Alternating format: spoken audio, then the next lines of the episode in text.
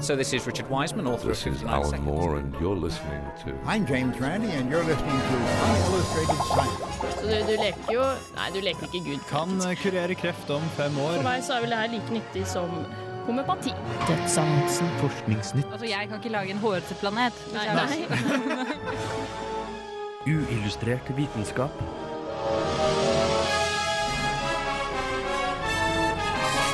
Science, it works, bitches. Er du en som stoler på intuisjonen? Eller liker du å tvile deg frem til ting? I dag ser vi nærmere på en psykologisk studie som handler om intuisjon, refleksjon og Gud.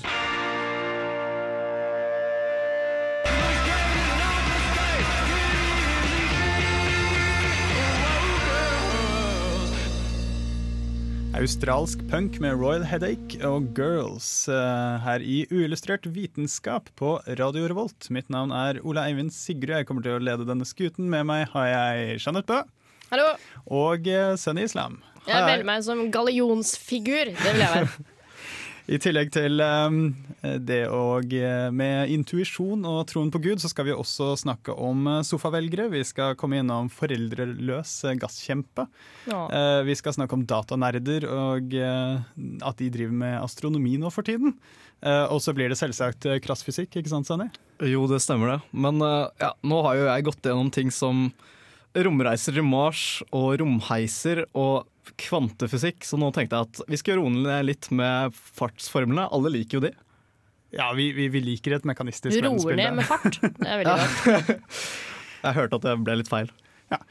Temaet først eh, i sendingen blir da intuisjon, refleksjon og troen på Gud. Eh, det får du høre etter Pelbo med Join Their Game.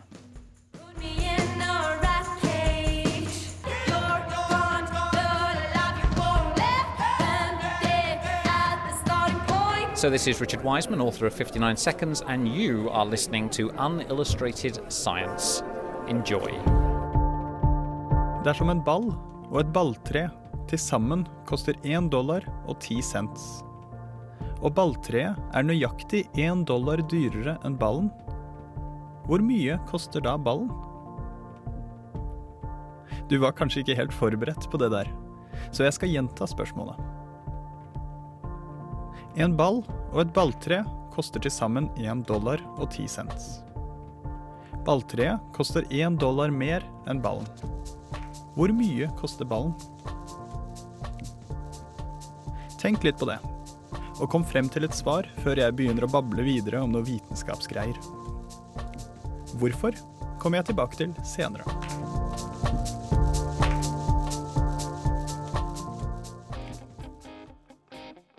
Noen tror på Gud, og ikke andre. Hvorfor er det slik? Det er det mange som undrer seg over, annet forskere ved Harvard.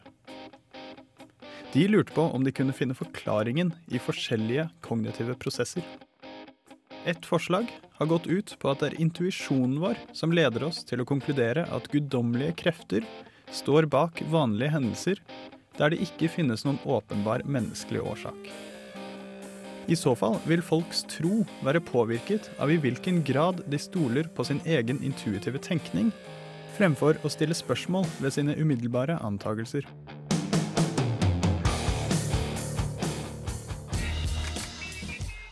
Først gjennomførte 882 voksne en spørreundersøkelse om deres tro på Gud.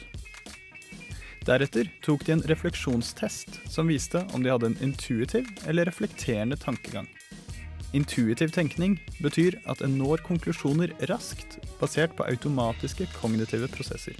Reflekterende tenkning derimot krever at en stiller spørsmål ved sine første innfall, og vurderer andre muligheter. De med en intuitiv tankegang svarte at de var overbevist om Guds eksistens halvannen gang oftere enn de reflekterende. De intuitive hadde også en sterkere tendens til å bli sikrere i troen med årene uansett om de hadde en religiøs oppvekst eller ei. De med en reflekterende tankegang ble stadig mindre sikre på Guds eksistens. Dette mønsteret besto selv da de kontrollerte for andre demografiske faktorer, som politiske holdninger, utdannelse og inntekt. Sammenhengen kunne heller ikke forklares med deltakernes IQ eller deres evne til å tenke.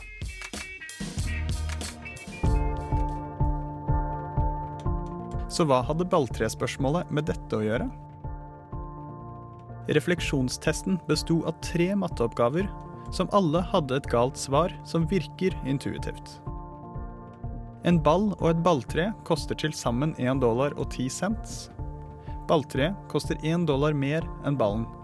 Hvor mye koster ballen? Det intuitive svaret er 10 cents. Men rett svar, det er 5. Svarte du ti, er sjansene gode for at du er intuitiv. Radio Revolt. Du forventet kanskje ikke mattenøtter i eh, illustrert vitenskap, men det blir da første og siste i løpet av denne sendingen. Eh, Jeg syns det var ganske interessant eh, det med intuisjon og reflekterende tankegang, og hvordan det påvirket folks gudstro, eller hvordan det klarte i hvert fall å predikere folks gudstro. Eh, Og at det da ikke var relatert til IQ og eh, tankeevne. Um, og så må det jo påpekes at det er jo ikke slik at eh, intuitiv og, og reflekterende tankegang er sånn at den ene er mye bedre enn den andre. Ja, altså Vi i Julestrørt vi holder selvsagt en liten knapp på reflekterende tankegang, men, men man trenger jo begge deler. Man kan ikke gå rundt og tenke kjempenøye over om man skal hoppe unna biler og sånne ting. Noen ganger så er den ganske viktig, den òg.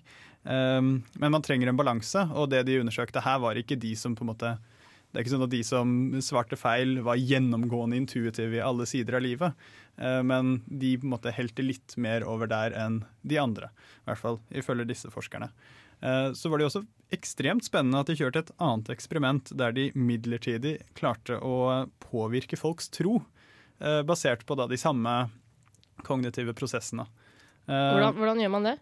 Nei, det er nettopp det, da. De, eh, først så prøvde de da å få folk i et sånt modus, enten da intuitivt modus eller et reflekterende modus. Og det gjorde de da ved å dele 373 folk opp i to grupper. eh, Og fikk den ene gruppen til å skrive noen avsnitt om eh, en personlig opplevelse der eh, sånn intuisjonen deres førte til noe kjempebra. Eh, og så den andre gruppen ble bedt om å skrive noen avsnitt om en gang et sånt godt reflektert valg førte til noe kjempelurt. Og så etter det, så rett etter det, så fikk de en sånn trostest, akkurat som de andre. Um, og det viste seg jo da at de i intuitiv modus, eh, de svarte at de eh, trodde på Gud i mye høyere grad enn de i reflekterende modus. Og det er jo ganske artig. Vi, menneskelig psykologi er ganske fascinerende. Um, og vi har jo egentlig gans lagt merke til den intuisjonsfokus da vi var på Alternativmessen, gjorde vi ikke det? Jo, da er det jo veldig mye fokus på at man skal stole på intuisjonen sin. Så var det jo intuisjonstester, og det var intuisjonskurs. Eh, rett og slett så er det veldig oppfordring til å eh, følge intuisjonen. Eh, og det er jo kanskje ikke så rart, da, hvis de driver og selger engler og eh, nåler med helbredende kraft osv., så, videre, så er det kanskje lurt at folk følger intuisjonen og ikke tenker sånn veldig kritisk eh, rundt dette. Men jeg tror ikke, jeg tror ikke min intuisjon engang forteller meg at jeg skal kjøpe en pendel. Ja, det er sant, men det kan hende andres intuisjon tyder på det. Ja, Jeg har jo også spesielt lagt merke til en som da har kommet mye opp i vaksinenekt-kretser ja, i det siste, men som da er jo en gammel klassiker, og det er en mors intuisjon. Om at en mor har eh, en intuisjon som sier hva som er rett, Som sier at man ikke skal ta vaksine. for eksempel. Jaha. Og eh, ofte så kan det jo kanskje stemme. Altså, ja, intuisjon hvis eh, ungen faller, ja, løp og ta den, istedenfor å tenke ja, ble den egentlig skadet, osv. Um, men uh, akkurat når det kommer til vaksiner, så er kanskje ikke intuisjon det man skal uh, følge. Men uh, vi har jo en del forskningsnyheter som Jeanette har samlet sammen for oss, og det skal vi høre snart etter Michael Cronin med 'Apathy'.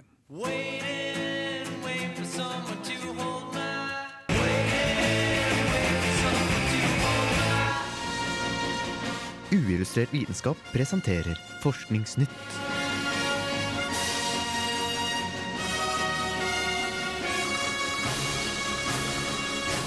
Forskningsnytt.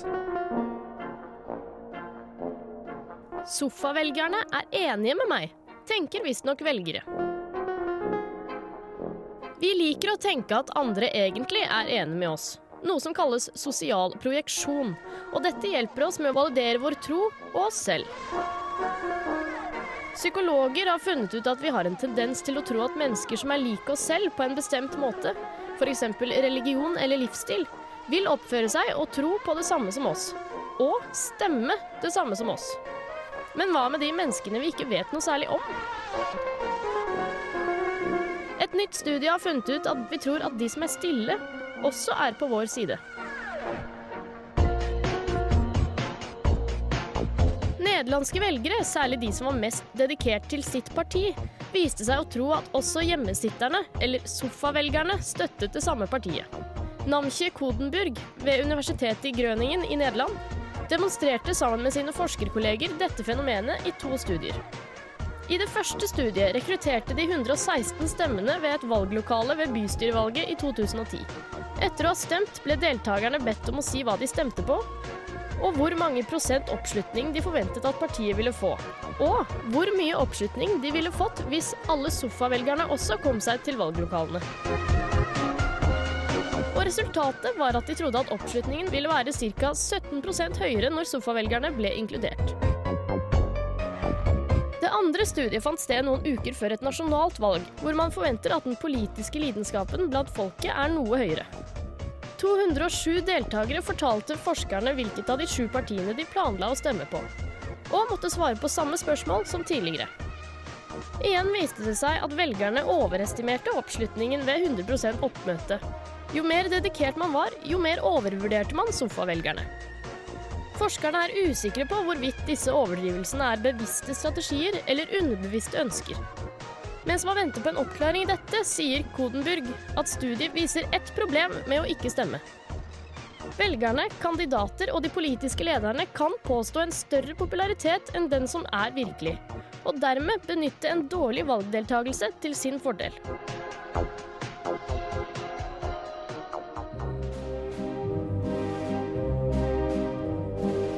Solsystemet vårt hadde sannsynligvis enda en gasskjempe.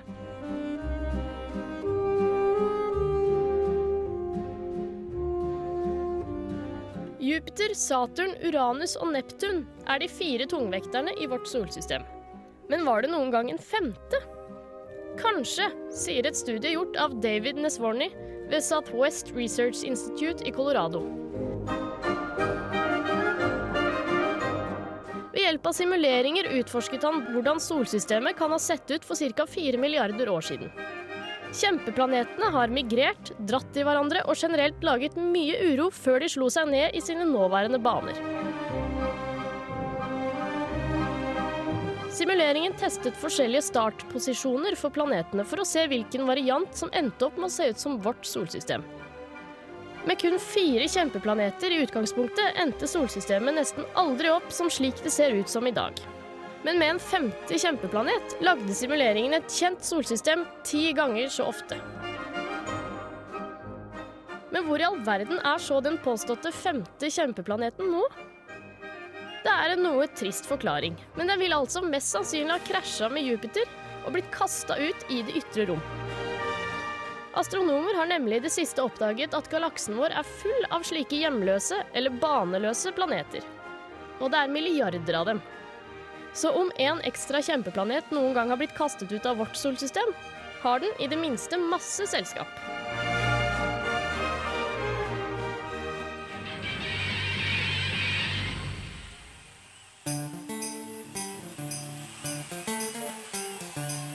Fra sin egen stue kan datanerder ha funnet nye planeter.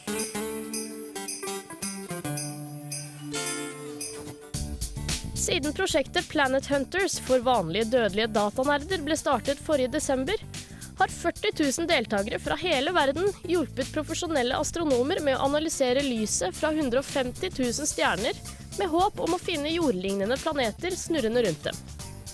Deltakerne analyserte data samlet av NASAs Kepler Mission, som har lett etter planeter utenfor solsystemet, eller såkalte eksoplaneter, siden mars 2009. Nå har astronomer ved Yale annonsert at de to første potensielle eksoplanetene som har blitt oppdaget av disse Planet Hunterne, skal bli publisert. Eksoplanetkandidatene kretser rundt sin vertsstjerne med perioder på 10-50 dager, hvilket er mye kortere enn våre 365. Og de har en radius som er fra 2,5 til 8 ganger større enn jordens. Til tross for disse forskjellene kan en av de to kandidatene være en stenete planet med en jordlignende størrelse. Men de er dog ikke i den såkalte beboelige sonen, hvor vann og derfor liv slik vi kjenner det, kan eksistere. Disse kandidatene kunne ha forblitt uoppdaget hadde det ikke vært for Planet Hunterne, sier Meg Schwamb ved Yale og grunnleggeren av The Planet Hunters. Planet Hunterne erstatter åpenbart ikke analysene som blir gjort av Kepler-teamet, men det har vist seg å være et verdifullt verktøy i letingen etter andre verdener. Du hører på Radio Revolt, studentradioen i Trondheim.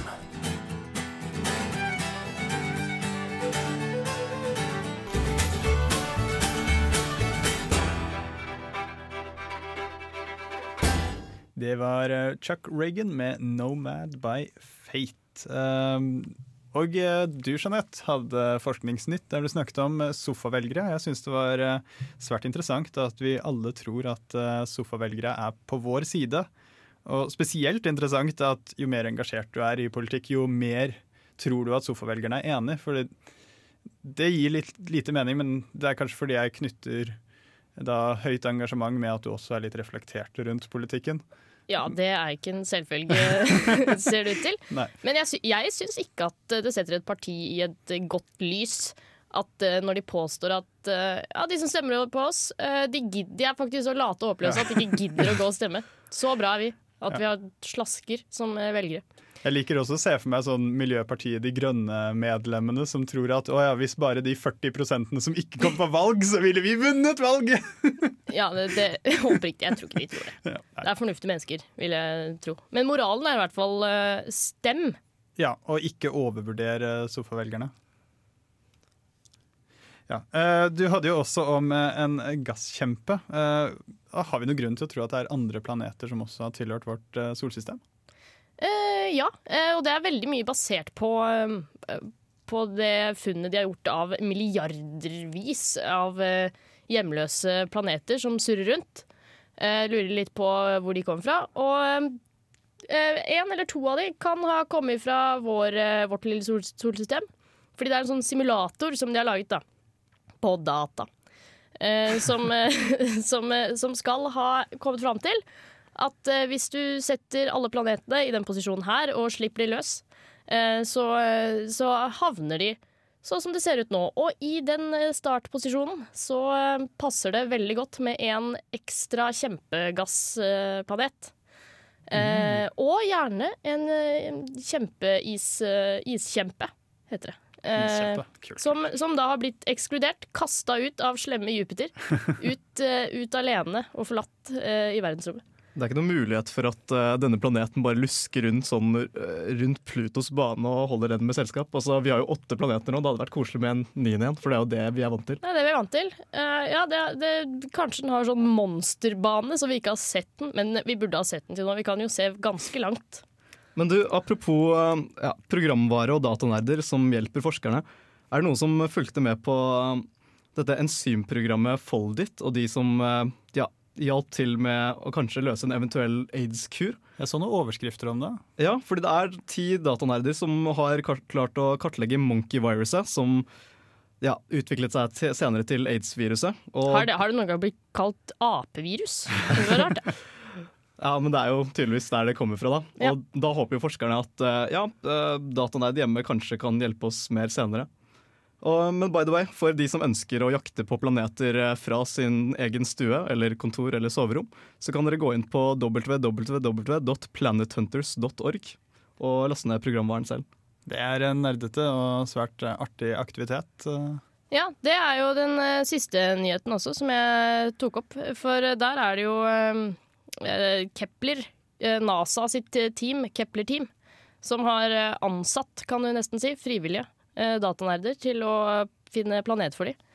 Og eh, nå har, til nå så har Kepler eh, funnet 1200 kandidater til å være eksoplaneter. Eh, hvorav ti forslag av de de fikk av, eh, av eh, disse Planet Huntersa. Eh, de forkasta åtte av de, da. Eh, åtte av de var litt for dårlige. Eh, men to, to syns de var eh, ganske brukbare, og det var de jeg snakka om i stad. Eh, men eh, de har nok dessverre forkasta de to forslaga òg, men de takker veldig for hjelpen, da. Det skal de ha. Jeg må si jeg ikke var sånn fryktelig imponert over datanerdenes innsats. Så hvis du laster ned dette programvaren, stå litt sterkere i og kjør på. Finn noen ja, bedre kandidater. Vi skal høre noe så rart som tysk eh, minimalistisk house med litt sånn fransk eh, chanson oppå. Det er Pup Culisse og Rebecca med Isi.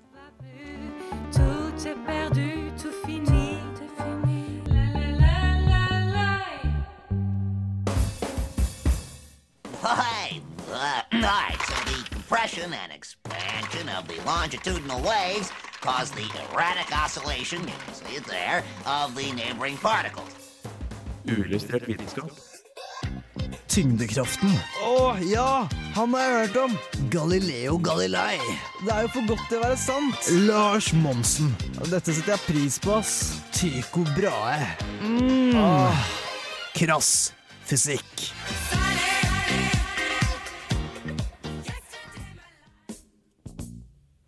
Hei, alle sammen. I dag tenkte jeg at vi skulle gå gjennom fartsformlene. Hvorfor? Nei, hvorfor ikke? Vi har strekning lik V0 ganger T pluss en halv V ganger T opphøyd i andre. Fart kan faktisk være mer spennende enn V-er og T-er. Visste du f.eks. at lengden, energien og tiden selv endrer seg ved enorme hastigheter? Men hvor store hastigheter er det snakk om egentlig? Lysfarten i vakuum, som er på rundt 300 millioner meter per sekund, er fartsgrensen for energi, masse og informasjon. Men er det egentlig ikke veldig lett å bryte lysfarten? Om du løper tre meter i sekundet med en lommelykt foran deg, vil ikke da lyset fra lykta ha en fart på 300 millioner og tre meter per sekund? Her ville nok en fysiker med navn Albert Einstein reagert. I 1905 la Einstein fram sin spesielle relativitetsteori. Teorien bygger opp på to postulater. Fysikkens lover har samme form i alle treghetssystemer, og alle observatører måler samme verdi for lysfarten i vakuum. La oss anta at vi har to observatører. Ole Eivind og Jeanette. Jeanette står stille, og Ole Eivind beveger seg med en konstant fart. Hvis vi sender et lysglimt i Ole Eivinds fartsretning, sier den spesielle relativitetsserien at begge vil måle at lyset beveger seg med lik hastighet. Hvis de måler at lysfarten er lik, men beveger seg med forskjellig hastighet, betyr det at noe annet må forandre seg. En konsekvens av den spesielle relativitetsteorien er tidsdilitasjon, eller tidsforlengelse. Siden Ole Eivind beveger seg raskere i forhold til Jeanette, må tiden bevege seg tregere for ham, slik at de kan nyte lysfarten i samme takt. Tidsdilitasjon har ikke noen særlig påvirkning på oss dødelige. Men om du planlegger en tur til Orions belte, eller er Usain Bolt, bør du lutte øret. La oss late som om vi kjenner en astronaut. Han ønsker å vie den arbeidsføre delen av livet sitt til utforskning av Melkeveien. Han har et romskip ved navn Serenity, og romskipet har en makshastighet nær lysfarten. Hvis han reiser i en alder av 20 fram til han fyller 60, antar vi at han kan tilbakelegge seg en distanse på rundt 40 lysår. Da rekker han kanskje en kopp kaffe på stjernen Signy før han må reise hjem igjen. Nei da. Der lurte jeg deg godt. Det er slik at tidsdilitasjonen man opplever når man nærmer seg lysfarten, fører til at eh, når 40 år er passert på romskipet, vil flere tusen år ha passert her på jorda. Dette gjør det mulig å utforske en betraktelig større del av Melkeveien. Høres dette kjent ut? Det er et fenomen som blir brukt i filmer som Primer, Planet of the Apes, Twelve Monkeys og ikke minst Back to the Future. Om tiden går tregere om bord på romskipet enn på jorda, vil du faktisk ha reist fremover i tid. Eller du vil iallfall ha reist tregere frem i tid enn det du vanligvis er vant til. Så uansett om du er kort eller lang, liten eller stor, hvit, gul eller Troy Davis, kan vi være enige om én ting. Alt er relativt. Utenom lysfarten, så klart. Du lurte oss du, Sunny. Jeg gjorde det. Jeg trodde du skulle snakke om eh, enkel mekanikk som vi kom til å forstå enkelt og greit, og så trekker du inn eh, Einstein og ødelegger alt. Eventuelt gjorde alt litt mer spennende. Eh, tidsdilatasjon. Eh, det er jo fryktelig kult, men har vi noe bruk for det? Altså, hva, hva, hva kan vi anvende det her til? Nei, det er, det er jo kanskje ikke teknologi du bruker i brødristeren din, men dere har kanskje hørt om en ting som heter satellitter? Det har vi. De pleier å falle ned sånn rundt disse tider. Sånn rundt i morgen. ja, uh, veldig mye nedfall av satellitter eh, i høstperioden. Men uh, ja, satellitter de har jo en styrkingsfart som er raskere enn vår da, rundt jordas sentrum. Og det betyr at de vil ha en Eller tiden deres vil gå tregere enn våres tid. Derfor må vi stille klokkene på satellittene til å gå enda litt raskere. For hvis ikke så vil jo f.eks. GPS-satellitter og sånt være helt ute av kurs. Så Sånn bruker vi da tidsdilitasjon da, i vår egen hverdag. Så praktisk bevist, altså. Mhm. Det er utrolig kult at, uh, at det faktisk har effekter når det ikke går Altså det går jo ikke så nær lyshastighet akkurat, og likevel så slår det til. Det, Nei, det det, er det er snakk om nanosekunder, men etter tja, et år så vil jo kanskje det hope seg opp til 15 sekunder, og det vil jo få følger. Men uh, vet vi egentlig i det hele tatt om noe som kan reise like fort som lyset? Ja, eller eh, ja, reise like fort som fotoner, fordi fotoner er jo masseløse partikler, men andre masseløse partikler, som gluoner og ja, gravitonen, som vi ikke er helt sikre på om eksisterer enda, de reiser også like fort som lyset. Men er det noe som kan gå fortere? Det er morsomt at du spør. Uh, har det noen av dere som har hørt om Cherenkov-stråling? Nei. Det er det som lyser rundt reaktorer, er det ikke det? Eller Jo, sånn? det er veldig sånn fint blått lys. Passer godt å ha et bilde av Cherenkov-stråling som bakgrunnsbilde på PC-en og sånt. Men uh, denne strålingen da, den skyldes at uh, i vann, som da ikke er vakuum, så klart, så vil lyset gå med en uh, ja, 75% av sin originale hastighet. Og da er det mulighet for elektroner å reise raskere. Så akkurat i vann da, så kan elektroner reise raskere enn lyset. Litt juks, altså. Juks, juks. Juks. Ja, ja, litt juks. Det er Lure spørsmål. Ja, Men uh, uh, den spesielle relativitetsteorien sier jo ingenting om, uh, om at noen ting kan allerede være raskere enn lyset. Det sier bare at du ikke kan akselerere forbi lysets hastighet. Så dere har kanskje hørt om et veldig vanlig science fiction plot-element som heter takioner? Slutt å stille sånne spørsmål, syns ikke er noe gøy. Ja, Ole Eivind har sikkert hørt.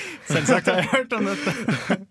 Ja, men uh, takioner er en veldig, veldig veldig hypotetisk partikkel. Uh, den har uh, en fart som er raskere enn lyset, og så har den imaginær masse og imaginær tid. Og ja, den eh, er det veldig mange forskere som ikke tror på, da, men det hadde jo vært sinnssykt kult.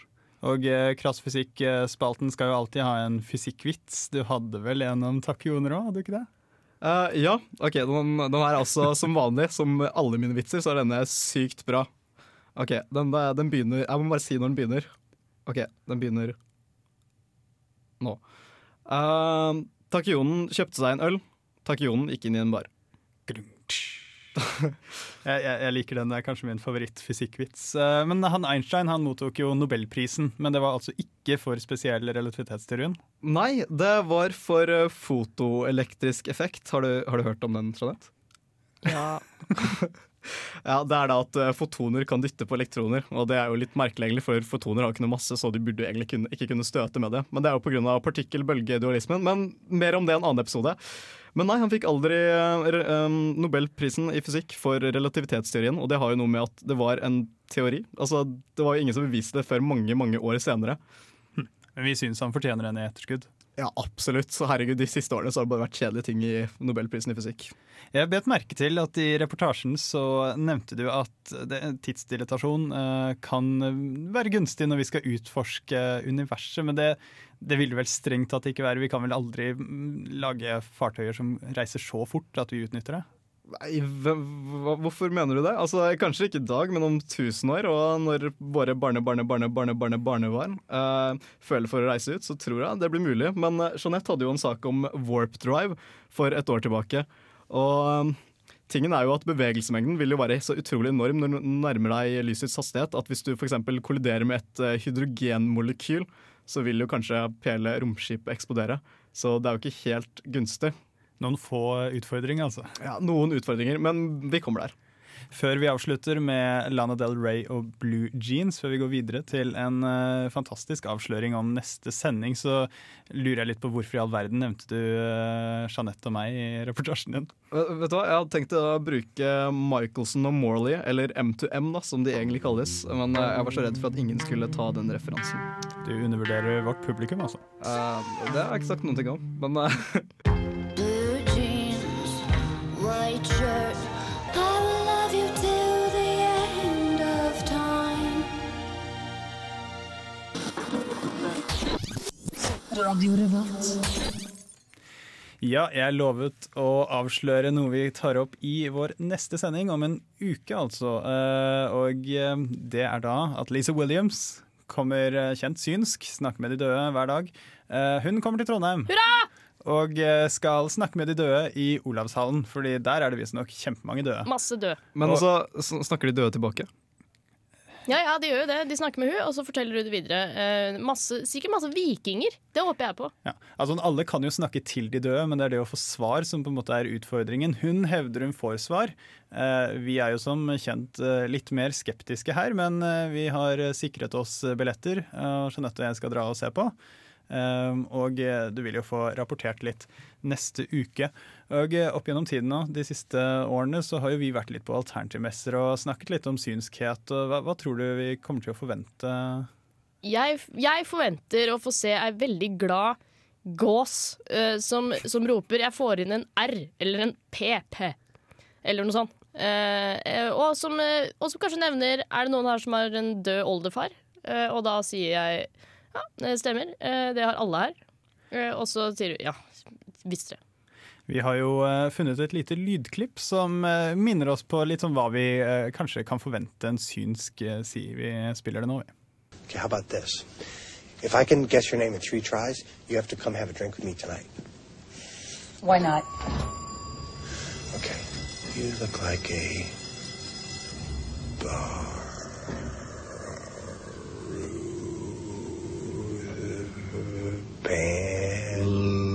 Baloo Carol Tab Share Suzanne my Mar Maxine Ma- Ma- Maxine? yeah. Who told you? Nobody told me. That just came out. Don't you think that isn't that odd? I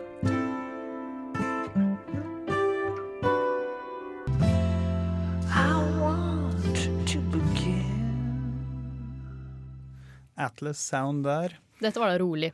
Ja, det begynner å gå mot slutten når vi setter på rolig musikk her i Illustrert vitenskap. Eh, Vi var jo kanskje litt vel eh, sarkastiske og krasse i, eh, ja, før den låten, da vi snakket om Lisa Williams og spilte av et nydelig klipp fra Being John Malkovich. Som jeg syns illustrerer hva synske driver på med litt tydelig. Men um, vi må jo understreke at vi går jo inn med et åpent sinn. Vi, Ja. vi håper hun kontakter de døde.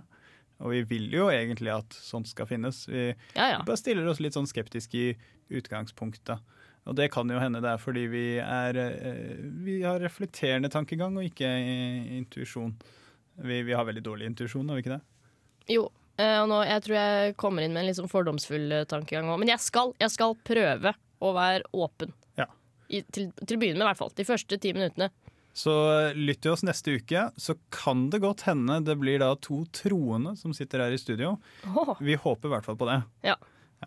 Eh, og eh, både denne sendingen her og alle andre sendinger vi noensinne har hatt, det begynner å bli 63 stykker, hvis jeg ikke tar feil, yes, navn. eh, kan lastes ned i iTunes og eh, eventuelt på radiovolt.no slash podkast. Jeg anbefaler alle å sjekke ut podkasten vår, den er jo ganske fin. Og populær! Ja, det, det er den jo.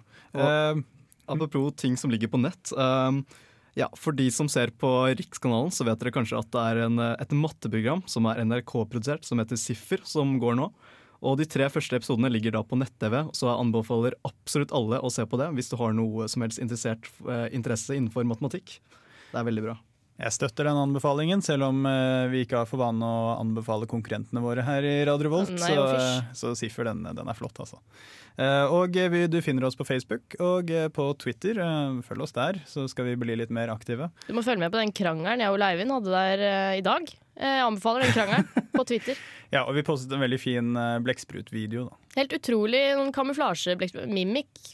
Den postet vi faktisk ikke. Kanskje vi skal poste Mimik-oktopusen, Ja. eh, selv om de fleste antagelig har sett den. Og en XKCD-tegnesnutt eh, som eh, gjør ap med den.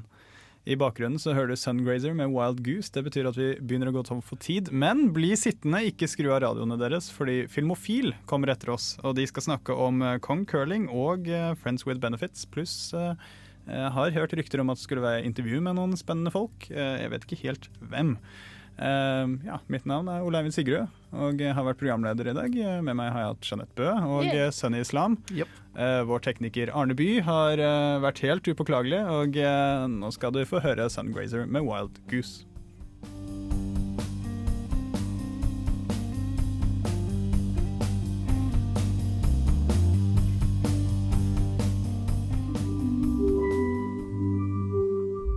Uillustrert vitenskap er Midt-Norges eneste teknologimagasin på lokalradio.